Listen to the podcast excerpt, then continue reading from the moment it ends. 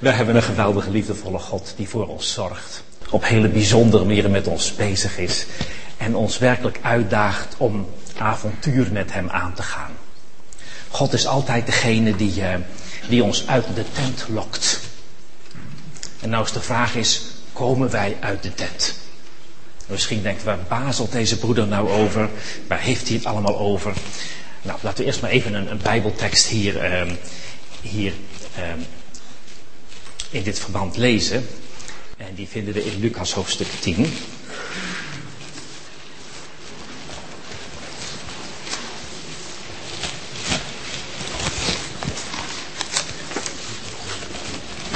Vers. Um, sorry, Lucas hoofdstuk 7, vers 31. Sorry. Ja. Maar de Heer Jezus, um, wanneer hij merkt hoe, hoe mensen ook moeite hebben met het ontvangen van het woord van God, dit zegt. Waarmee zal ik dan de mensen van deze generatie vergelijken? Waarop lijken ze?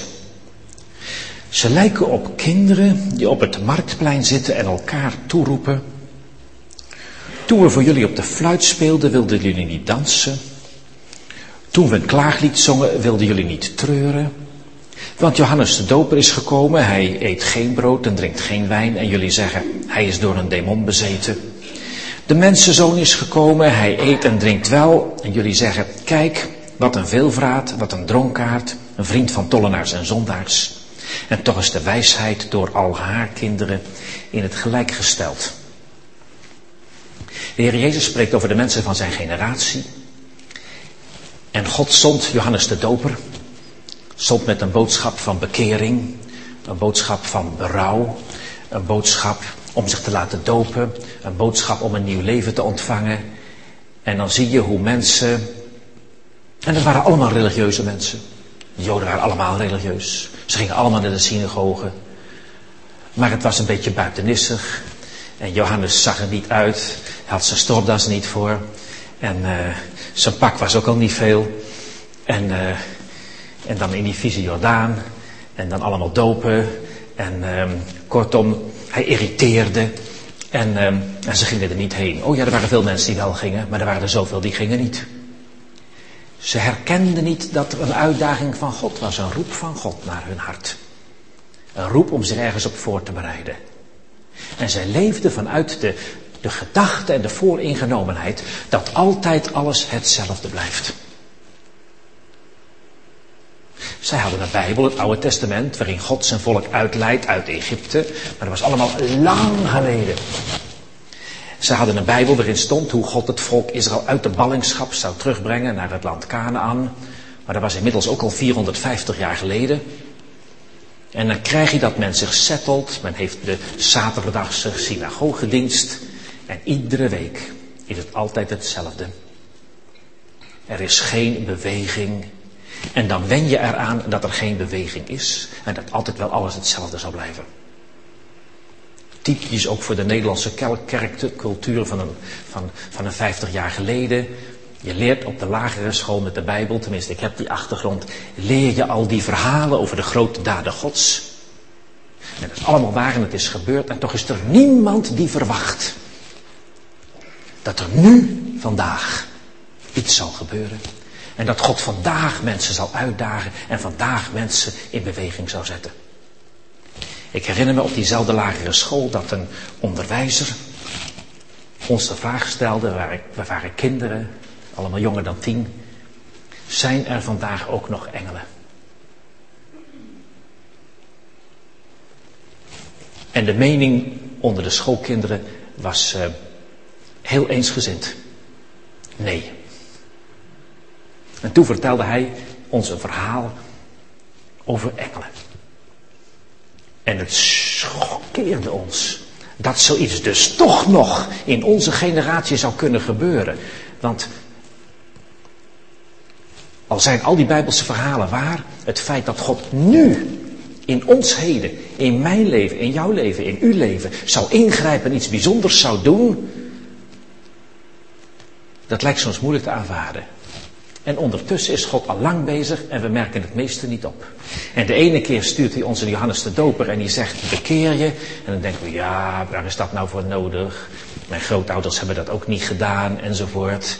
En het leven is er altijd ordelijk geweest en het moet altijd maar zo. En dan wordt er niet gereageerd. En daarna komt Jezus zelf met een boodschap van liefde en vreugde. En dan zeggen de mensen, het is allemaal veel te oppervlakkig. En Jezus is al met die zondaars in de weer. En voor ons nette kerkmensen past dat niet.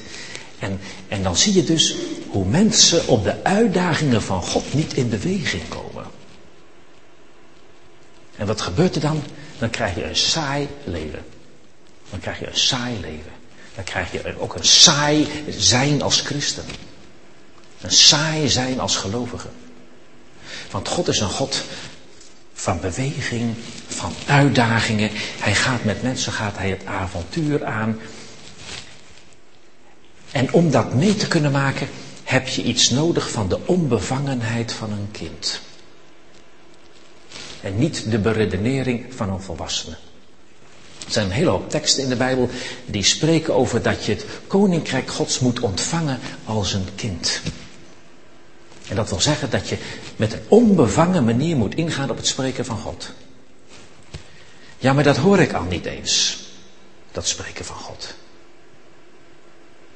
Als je dat antwoord zou geven, dan is het heel belangrijk om te zeggen, waarom hoor ik het niet?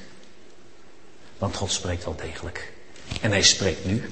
En hij spreekt vandaag. En ik durf te beweren dat er niemand is hier tegen wie God vandaag niet iets te zeggen heeft.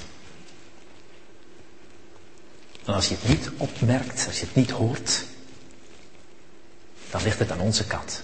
En niet omdat God niet spreekt en niet wil spreken. Hij is voortdurend bezig om mensen uit hun huisje te halen. Ik moet zeggen dat, dat, dat God is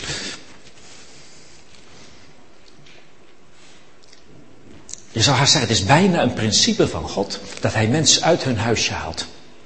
Hij wil ze in beweging krijgen, hij wil ze uit hun vertrouwde situatie halen, hij wil ze in beweging krijgen, want dan kan hij iets met hen doen. Als mensen helemaal vastzitten in hun patroon van alle dag, in al hun normale ritmes en alles normaal, dan zijn we zo bezig maar door te gaan, dat hij hoegenaamd niets met ons kan doen. En daarom is God degene die ons altijd uitdaagt om, om daar even uit te stappen. Ik neem zomaar even een verhaal. De Bijbel staat vol van dergelijke verhalen. Denk even aan het verhaal van Abraham. Abraham woonde ooit in Ur. Hij vertrok met zijn vader, met de hele familie, naar Haran om te gaan in de richting van Canaan.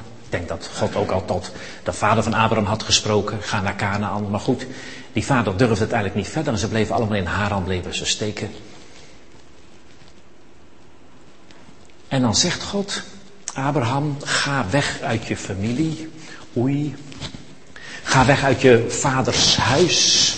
Alles moet je achterlaten. En ga naar het land dat ik u wijzen zal. Ik ga nu even mijn verstand in werking zetten. Ik vind dat God daar een principiële fout maakt.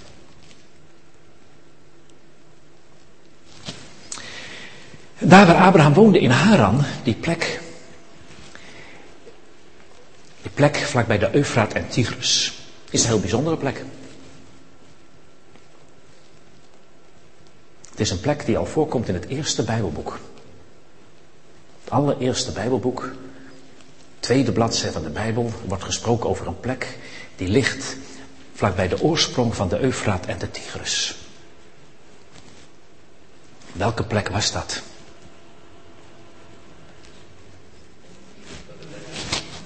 Het was de Hof van Eden, het paradijs. Nou, als ik uh, God was, ben ik, ben ik natuurlijk niet.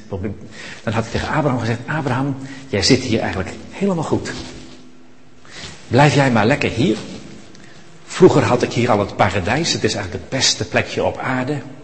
Hier stromen die prachtige rivieren die altijd water brengen. Je bent er al bijna in het paradijs. En eh, Abraham, blijf vooral op je plekje. Daar zal ik jou tot een groot volk maken enzovoort. En wat doet God? Die prachtige, ideale plek, Bijna het paradijs op aarde. Die plek waar die grote rivieren stromen, waar het altijd groen is. Waar die schapen het geweldig hebben. Waar altijd drinkwater is. En wat doet God? Hij stuurt Abraham naar een land waar geen rivieren zijn. Ja, de Jordaan, maar als je in het land Israël woont, dan zijn daar geen rivieren. Waar soms gevaarlijke droge tijden zijn, waar al je vee kan sterven.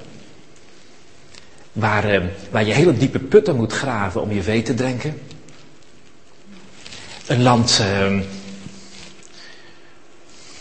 wat eigenlijk helemaal niet ideaal is. Een land, en dat is het aparte van dat land, wat is nou het grote verschil? Als je woont daar in Haran, dan ben je van God niet afhankelijk. Er is altijd water, er is altijd gras, er is altijd stro. Het is het land van de overvloed. En hij brengt Abraham, hij stuurt hem naar een land waarin je volstrekt afhankelijk wordt van Gods ingrijpen, waar je om je dagelijks brood moet bidden. Omdat het helemaal niet zeker is dat je het zult krijgen. Dat is nou God. Hij haalt mensen, om even duidelijk te maken, wij denken bij het land Canaan aan het heilige land. Maar ik bedoel, de allerheiligste plek lag vlakbij waar Abraham woonde. Lag vlakbij Haran. En dat was Eden, de plek van het paradijs. Maar God stuurt Abraham naar een plekje waar hij afhankelijk van God zal zijn. Dat doet de Heer. Verstandelijk is er meer dan genoeg op tegen dat Abraham dat niet zou doen. Zijn vader had het ook niet gedaan. Terach was al op weg naar Canaan, maar Terach deed het niet. Hij dacht, dat ga ik niet doen. Ik moet door die hele woestijn heen, moet ik naar Canaan toe. Al mijn vee sterft onderweg. Ik ga het niet eens proberen. Ik blijf in Haran, ik zit hier goed. En God stuurt Abraham op een avontuur. Dat gaat boven en buiten zijn eigen controle om. Hij kan alleen maar kinderlijk aanvaarden dat wat God zegt, dat dat het beste zal zijn. En kan erop ingaan, mag erop ingaan. En, uh, en dan gaat Abraham langs naar het land Canaan, dwars door die woestijn heen met al zijn vee. En gelukkig is er net voldoende water steeds in de putten om zijn vee te drinken. Hij komt net levend en wel in Canaan aan met zijn vee. En dan staat er iets heel bijzonders. Dan staat er, toen verscheen hem de Heere. Nou, daarvoor, lieve mensen, wil ik wel naar binnen Mongolië lopen. Toen verscheen hem de Heer. Dat is het altijd. Als je, als je gaat op Gods weg, en het is altijd een rare weg. Het is altijd dat wat je niet zelf onder controle hebt, wat je niet zelf kunt, wat je niet zou bedenken. Het is altijd een beetje tegen je verstand in. Het is altijd een beetje risicovol. Je moet het als een kind aannemen. En als je het doet, dan leer je aan het eind van de rit leer je God kennen. Dan leer je op een hele intense manier, leer je hem kennen, op een hele diepe manier. En dat is de, dat is de manier waarop God met mensen omgaat. Jezus heeft dan ook een verwijt aan het volk Israël. En hij zegt, ik heb jullie, God heeft jullie gestimuleerd om, om berouw te hebben, om treurnis te hebben door Johannes de Doper. Jullie vonden dat niet nodig. Jullie waren wel tevreden met jezelf. En nou kom ik en ik breng jullie de vreugde, de vreugde van God, de liefde van God. Jullie denken, ah, is allemaal veel te oppervlakkig, veel te overdreven, is niet zwaar genoeg, het is niet wettisch genoeg. En ook daar gaan jullie niet in mee. God, onze Vader, haalt ons uit ons huisje, maakt ons afhankelijk en de beloning daarvan is dat we Hem op een diepere manier leren kennen. De beloning, beloning is een geweldige vreugde en vrede. De beloning is een geweldige intimiteit met God. Ik ga even naar Lucas 10, vers 21, wat ik eh, straks ook al wilde lezen. In Lucas 10, vers 21. En dat staat in de nieuwe vertaling een beetje ongelukkig. Lucas 10, vers 21, er staat op dat moment begon hij vervuld van de Heilige Geest te juichen en zei, Jezus zei dat, ik loof u Vader, Heer van de hemel en de aarde, omdat u deze dingen voor wijze en verstandige het verborgen, maar een eenvoudige mens hebt onthuld. Ja Vader, zo hebt u het gewild. Alles is mij toevertrouwd door mijn Vader. En niemand dan de zoon weet wie de vader is. Eh, sorry, niemand dan de vader weet wie de zoon is. En wie de vader is, weet alleen de zoon en iedereen aan wie de zoon het wil openbaren. En in de NBG-vertaling wordt daar gezegd dat het aan wijze en verstandigen is verborgen gehouden en aan kinderkunst geopenbaard. God maakt zich bekend aan mensen die op een kinderlijke, onbevangen manier met hem willen omgaan. En diegenen die het allemaal in controle willen houden, hun leven onder controle willen houden, hen blijft het verborgen. Ze pakken het niet, ze zien het niet, ze gaan niet mee op avontuur, ze blijven op hun stoel zitten. Ze gaan door met een, met een religieuze vorm van geloven, een religieuze vorm van christen zijn, die bestaat uit het meedoen, maar niet persoonlijk uitgedaagd worden. Ik weet niet of ik het ooit hier met jullie gehad heb over de rijke jongeling. Heb ik dat een keer gedaan? Niemand knikt. Ook ga ik het even met jullie hebben over die rijke jongeling. We kennen allemaal dat verhaal. Die rijke jongeling die komt bij Jezus. En die zegt, Heer, wat moet ik doen om het eeuwig leven te krijgen? En die zegt, nou, zegt de Heer, je moet al die geboden doen. Hè? Uh, dien God alleen. Eer uw vader en uw moeder. De geboden, de tien geboden. En die jongeman zegt, dat heb ik allemaal gedaan. Wat, dat ontbreekt mij nog. Is duidelijk dat daar een onzekerheid is van, van, van hoe zit dat nou met het eeuwige leven. Ik doe wel alles, ik ben religieus, ik volg netjes alle regels, maar ik mis iets in mijn leven. En dan zegt Jezus, je mist één ding. En dan zegt Jezus, verkoop alles wat je hebt, geef het aan de armen en volg mij. En er staat ook bij dat Jezus deze jongen lief kreeg. En dan geeft hij hem deze opdracht. En deze jongen doet het niet. Wat denken jullie? Is, is God zo dat hij ons al ons moois wil afpakken? Eh, goed zo. Ik ben blij dat er iemand is die daar direct een antwoord op geeft. Nee. Raar is dat, hè? Dat deze man dan toch alles moest verkopen. Is het om. Nee, nee, ze heeft gelijk. God wil ons niet wat afpakken. Maar als God iets vraagt, dan is dat de ultieme uitdaging om afhankelijk te worden en iets grandioos te beleven. Ik ga u wat vertellen. Ik ga even fantaseren. Ik ga even fantaseren. Hopelijk wilt u mee fantaseren. Deze, deze jonge man die zo ontzettend rijk was, we weten zijn naam helemaal niet. Hè? Hij was heel belangrijk, maar we weten zijn naam niet eens. Dus we gaan hem een naam geven en ik noem hem Bill Gates. Dan hebben we gelijk een goed picture. Zeer rijk, Bill Gates heet hij. Wij weten helemaal niets van hem. Maar als Jezus tegen iemand zegt, volg mij, tegen hoeveel mensen heeft Jezus dat gezegd? Heel goed. Maar, maar, maar, dat is heel goed, dat zegt hij tegen iedereen. Maar toen Jezus echt op aarde rondwandelde, heeft hij dat tegen een aantal mensen heel speciaal gezegd. En je weet het wel hoor. Als ik, ik zal één naam noemen, dan weet je wel, Petrus. Johannes, goed zo. Hoeveel, hoeveel waren het er? Goed zo, twaalf. Het waren er twaalf. Het waren er twaalf. Tegen, tegen twaalf mensen heeft Jezus gezegd, speciaal, laat alles achter, volg mij. die, die, uh, Petrus, Johannes, Jacobus moesten een vissersboot achterlaten en die moesten hem volgen. En die Matthäus, ofwel Levi, die moest zijn tollenaarshuisje achterlaten en Jezus volgen. En dit is de dertiende. Tegen wie Jezus zegt, Laat alles achter, verkoop de hele spul en volg mij. Ik, ik, ik ga gelijk verklappen waarom Jezus dat deed tegen deze man. Er zou er één afvallen namelijk. Judas zou afvallen, had Jezus nog maar elf discipelen over. Dus hij wilde één reserve. Hij wilde één reserve, dat had Jezus al geregeld. Deze man ging niet, dus uiteindelijk had Jezus dus nog maar elf discipelen toen hij stierf en opstond uit de dood. En toen moesten ze allemaal loten en heel ingewikkeld doen om weer een twaalfde te vinden. Dat was nog heel lastig. Ze hadden er twee en ze moesten kiezen en loten om uiteindelijk een twaalfde te vinden, om die twaalf weer vol te krijgen. Maar Jezus had het bij zijn leven al helemaal geregeld. Hij zei, jij, volg jij mij.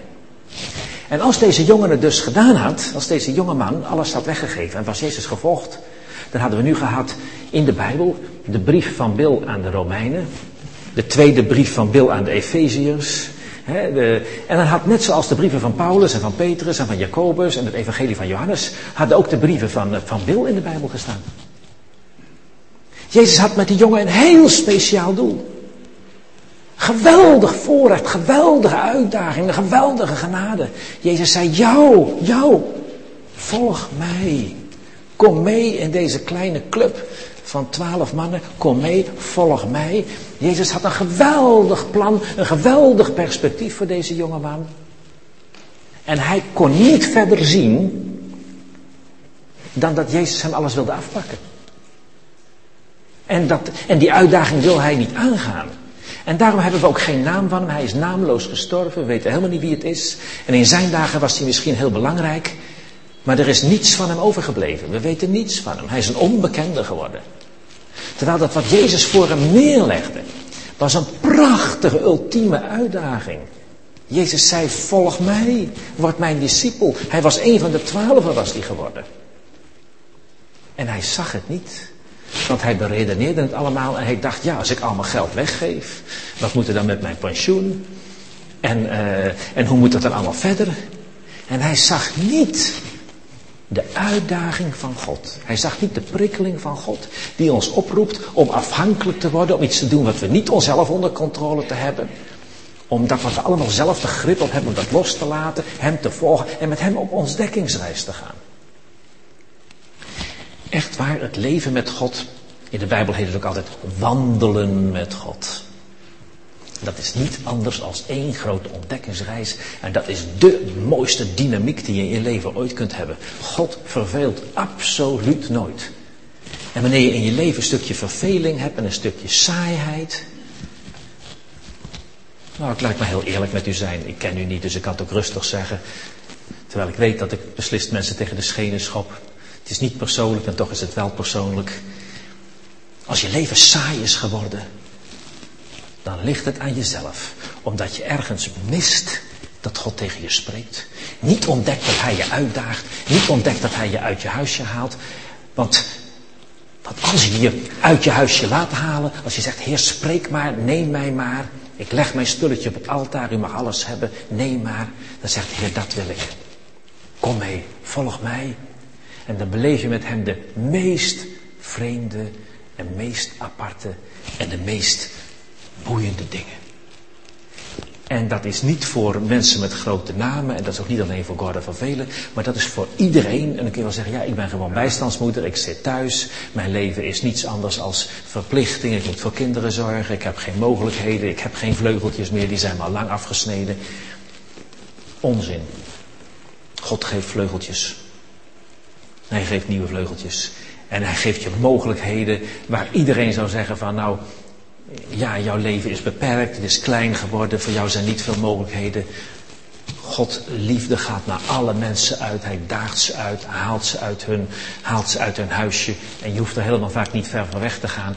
Maar soms moet je gewoon, net als deze kinderen, als er op klaagliederen worden gezongen, moet je gewoon meejammeren. En soms moet je, als er op de fluit wordt gespeeld, moet je dansen. Um,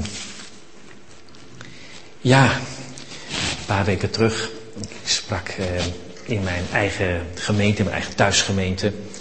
En er was een heerlijke, lekkere aanbiddingsdienst. En er stonden een paar zusters stonden met die vlaggen, stonden ze daar te zwaaien. En ineens zei de Heer tegen mij, pak jij ook eens twee vlaggen? Ik zeg, ik zeg tegen de Heer, ik niet. Kom nou zeg. Ik zou de eerste man zijn in onze gemeente die daar een beetje met vlaggen staat te wapperen. Ik, echt niet. Echt niet. Ik wil veel, maar dit is voor mij een station te ver. En uh, ja, ik, ben, ik, ik beleid u maar eerlijk, ik ben het vaak met God niet eens. Ik heb ook zo mijn eigen gedachten. Ik heb hier ook zo van alles wat hier zo rondgaat. Waarin ik wel eens denk van ja, nee, maar dat durf ik ook niet. Soms ben ik net die rijke jongeling. Ik bedoel, ik hoef dan... Uh, ik bedoel, ik hoef dan alleen maar met een paar vlaggen te zwaaien. Maar ik heb ook liever dat de Heer tegen mij zegt: spring zeven keer in de Jordaan. Dan heb ik tenminste een gratis reis naar Israël. Maar, maar om nou daar als man met die vlaggen te gaan staan. En weet je, en dan ben je het met God oneens. En dan denk je: oké, Heer, ik heb die les wel geleerd. Ik ga het toch doen. En dan doe je dat met zo'n hoofd. En dan komen er na afloop mensen naar je toe. En die zeiden op het moment dat jij daar kwam staan gebeurde er wat met mij. En dan denk ik, oké heer, gelukkig maar dat ik het wel heb gedaan en niet heb gelaten. Ik moest, voor, het was, voor mij was het heel moeilijk om het te doen. En, uh, en, dan, en dan beleef je iets. In dit geval beleef je dan dat mensen naar je toe komen en zeggen: Toen je dat deed, gebeurde er met mij wat. En dan denk ik: Oké, daar ging het dus om. En kan ik het nou beredeneren? En moet u nou allemaal, moeten nou alle mannen hier met vlaggen gaan rondstaan, gaan rondzwaaien? Dat weet ik niet. Misschien zou het haast wel, misschien zou ik het haast moeten zeggen. Gewoon om, uh, om verwarring te zaaien. Gewoon omdat God wel eens houdt van een klein beetje verwarring. Waarom? Dan komen we tenminste een keer uit die cadans van dat alles altijd hetzelfde blijft en dat ons leven eruit ziet als een, als een grauw sluier.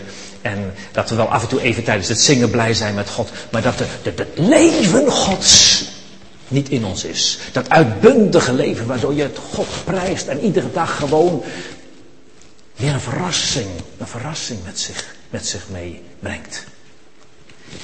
Ik weet, ik ben in bevoorrechte positie, omdat ik niet een, een, vaste baan heb. Dat is trouwens niet alleen maar bevoorrecht, maar uh, dat heeft voordelen en nadelen, zou ik zeggen. En dan, dan zeg ik gewoon tegen de Heer, ach neem mijn leven maar en stuur het maar in de war. En dan doet God dat, hij doet dat met plezier. En dan stuurt hij de boel in de war. En dan, uh, ik ben gisteren teruggekomen uit Roemenië. En dat is ook weer een, zo'n raar verhaal. Ineens krijg je een mailtje van een, van een dochter van verre vrienden. En die zegt, Gordon, heb je zin om naar Roemenië te komen? Wil je misschien een keer onderwijs geven? En ik denk, ach, mensen vragen zo vaak wat en er komt toch nooit wat van. Ik zeg, nou, uh, oké, ik wil wel een keer komen. Dan krijg je een mailtje terug, ja, kom dan direct. En, uh, nou oké, en dat blijkt dan ook net zo te kunnen. En dan kom je bij een groep mensen. Um, gelovigen uit een met een baptistenachtergrond. En ik kan ze het best omschrijven als, als navigators, als dat jullie wat zegt. Jonge mensen, allemaal hoogopgeleide jonge mensen. Een chirurg zat erbij, twee psychologen. Allemaal jonge mensen die wekelijks trouw bijbelstudie doen. En die al een jaar lang bidden, Heer is dat nou alles? Waar zijn die wonderen van u? Waar is die kracht van u? Waar zijn al die werkingen van de Heilige Geest? Waar is dat? Kunnen wij dat ergens vinden? En ik heb mijn hele leven, heb ik nog nooit zulke hongerige mensen ontmoet. En ik kwam daar en we hadden afgesproken, ik zou daar zes keer, zou ik daar s'avonds een bijbelstudie geven. Ik ben daar tien dagen geweest. Spontaan werd besloten dat er alle avonden bijbelstudie zou zijn. En dan is het niet van acht tot half tien hoor. Maar van zeven tot elf. En dan, en dan gebeuren er de meest vreemde dingen. En deze jonge mensen gaan in tongen spreken. En ze gaan profiteren. En dan worden zieken genezen. En, en ze gaan voor elkaar bidden. En er vallen tranen. En dan, en, dan, en dan maak je iets mee. En dan denk je, ja. Zij hebben er een jaar voor gebeden. Ik kwam er alleen maar op inlopen. En mocht even instrumenteel zijn met een stukje onderwijs. Het is niet mijn verdienste. Maar eh, als ik nou had gedacht van ja, maar het kost me geld, ja, maar uh, laat ik dat maar niet doen, had ik het allemaal niet meegemaakt. En ja, goed, ik heb er ook niks aan als ik allemaal verhalen vertel over dingen waar je je moeilijk in kunt verplaatsen. Maar ik raakte daar betrokken bij een uh, project van ja, rehabilitatie van, van weeskinderen. Wat daar namelijk gebeurt is in Roemenië, dat daar erg veel kinderen zijn die door hun ouders in de steek gelaten worden. Speciaal ook zigeunerkinderen, die worden gewoon in het ziekenhuis achtergelaten na de bevalling, want het is al nummer 13 en ze kunnen dat toch niet verzorgen. Dus zo'n kind blijft dan achter. Komt in een weeshuis en dan krijgen ze wel te eten, ze moeten naar school. Maar er is natuurlijk geen liefde, geen tederheid, niks. En op hun zestiende jaar worden die kinderen gewoon eruit gezet en dan leven ze dus op de straat. Meisjes van 16 op de straat, dat gaat natuurlijk niet goed. En um, ja, dan raken ze aan de drugs, of ze komen in de drugshandel, of ze raken aan het stelen, daar komen ze dan terecht. En er is dan nu een groot project om deze kinderen van de straat te halen en ze gewoon liefde te geven en, en tot normale mensen te maken. Heel apart. We hebben daar gebeden voor, voor, voor een jonge vrouw. Ze zag eruit als een meisje van 12, later hoorde ik ze was al 23. Maar ze had in haar leven gewoon nooit fatsoenlijk te eten gehad. En dan, dan krijg je gewoon niet wat je nodig hebt. Dus je blijft te klein. Emotioneel kapot. Psychisch beschadigd. En um, we hebben voor een aantal van deze mensen gebeden. Dat was het, de, de vraag of voor een aantal mensen van deze mensen wilden bidden. Omdat ze ook gebonden waren. En, um, en dan gebeurt er iets heel vreemds. Je hebt dus voor een aantal mensen gebeden. En dan ga je weg. En dan komen ineens twee van deze kleine meisjes, maar ze zijn al 23 naar je toe. Pakken je vast, beginnen tegen je aan te huilen. Je wordt helemaal, helemaal nat. En, en dan hoor je van, van, van iemand, dit is überhaupt de eerste keer dat zij vrijwillig naar een man zijn toegestapt en hebben omhelst en hebben gehuild. Ze zijn zo bang voor mannen hun hele leven geweest. En nu ineens, omdat je met ze hebt gebeden, beschouwen ze je als een soort van vader. En, en geven ze een, een, en je hebt met ze gebeden, geven een vertrouwen wat ze hun hele leven nog nooit hebben durven geven. En dan maak je zoiets mee en misschien zegt u van, ja wat stelt dat voor? Mij braken de tranen ook in de ogen. Want ik, ik, kon, ik kon aanvoelen wat er gebeurde. Goed, maar zo wordt je leven dus een leven vol met hele mooie en diep emotionele gebeurtenissen.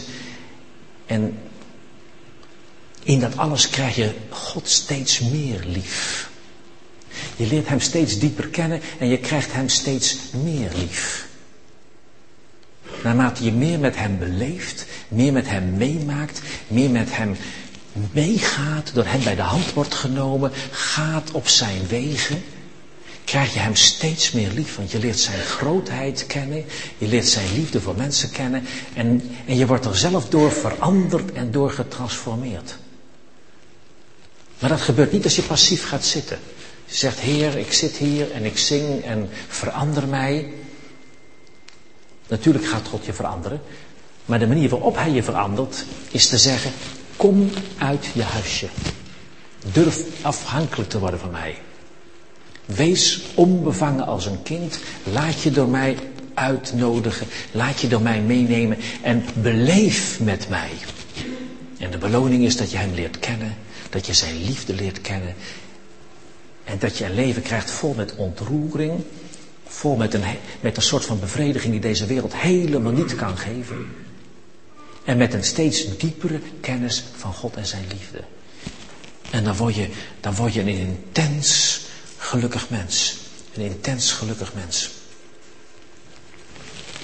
De Heer Jezus, en dat blijkt in de Evangelie, heeft iets met kinderen. Hij heeft iets met kinderen. En hij neemt heel vaak kinderen als een voorbeeld voor de ouders. Of als een voorbeeld voor zijn discipelen. Zijn discipelen ruzie maken van wie zal de meeste zijn in uw koninkrijk. Dan, dan roept Jezus een kind. En dan zegt hij wie het koninkrijk van God niet ontvangt als een kind, die kan helemaal niet binnengaan. En dikwijls zijn wij veel te veel bezig met als volwassenen het evangelie een plekje te geven in ons leven. En het moet eerst kloppen en we moeten het eerst we kunnen beredeneren voordat we ingaan op Gods uitnodigingen. Ik weet absoluut zeker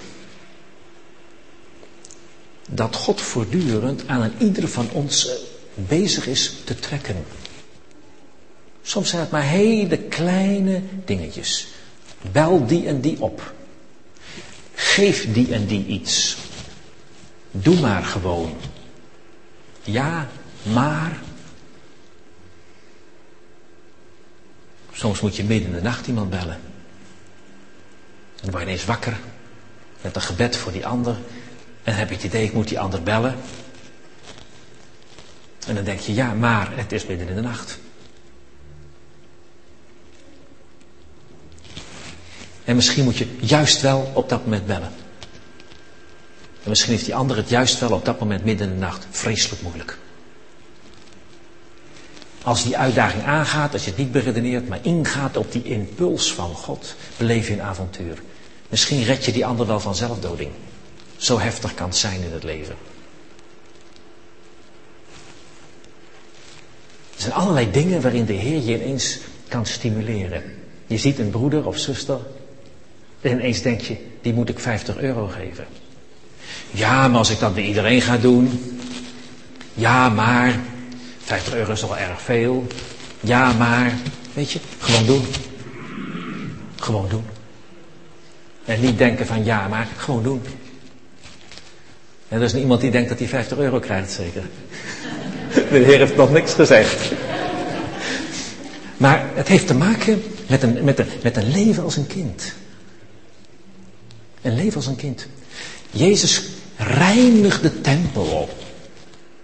En dan komen de blinden en de melaatsen, die helemaal in de tempel niet mogen komen, komen in de tempel en Jezus geneest hen allen. En de kinderen die dat zien, die zingen Hosanna voor de zoon van David.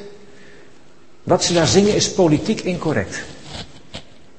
Het is levensgevaarlijk wat ze daar zingen. Naast die tempel zit die Romeinse burcht met al die soldaten. Nou, en als dan iemand in de tempel wordt bezongen, de zoon van David, komen die soldaten direct naar beneden en die denken, wie is dat, de zoon van David? Die moeten we maar gelijk arresteren voordat hij kwaad kan doen.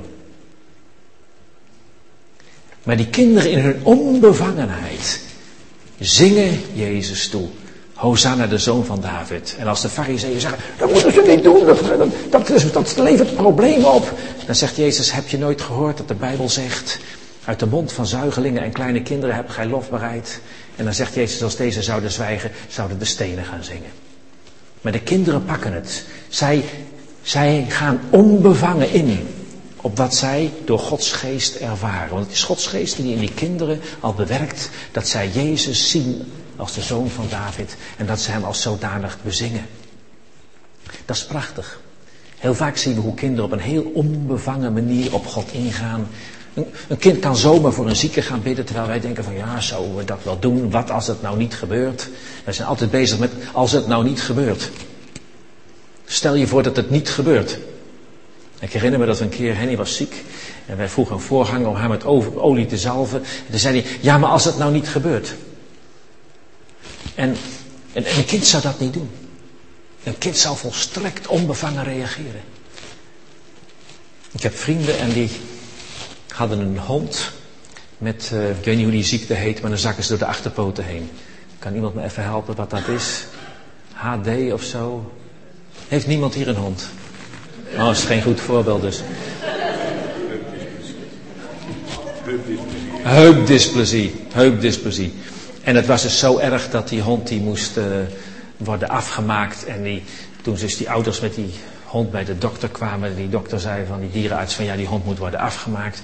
Toen zei ze ja maar dat, dat kunnen we niet zomaar doen. Laten we in ieder geval die hond nog een week mee naar huis nemen. Zodat de kinderen er afscheid van kunnen nemen. Dat de kinderen erop voorbereid zijn. Want als wij nu vanmiddag zonder de hond thuiskomen en we zeggen de hond is dood.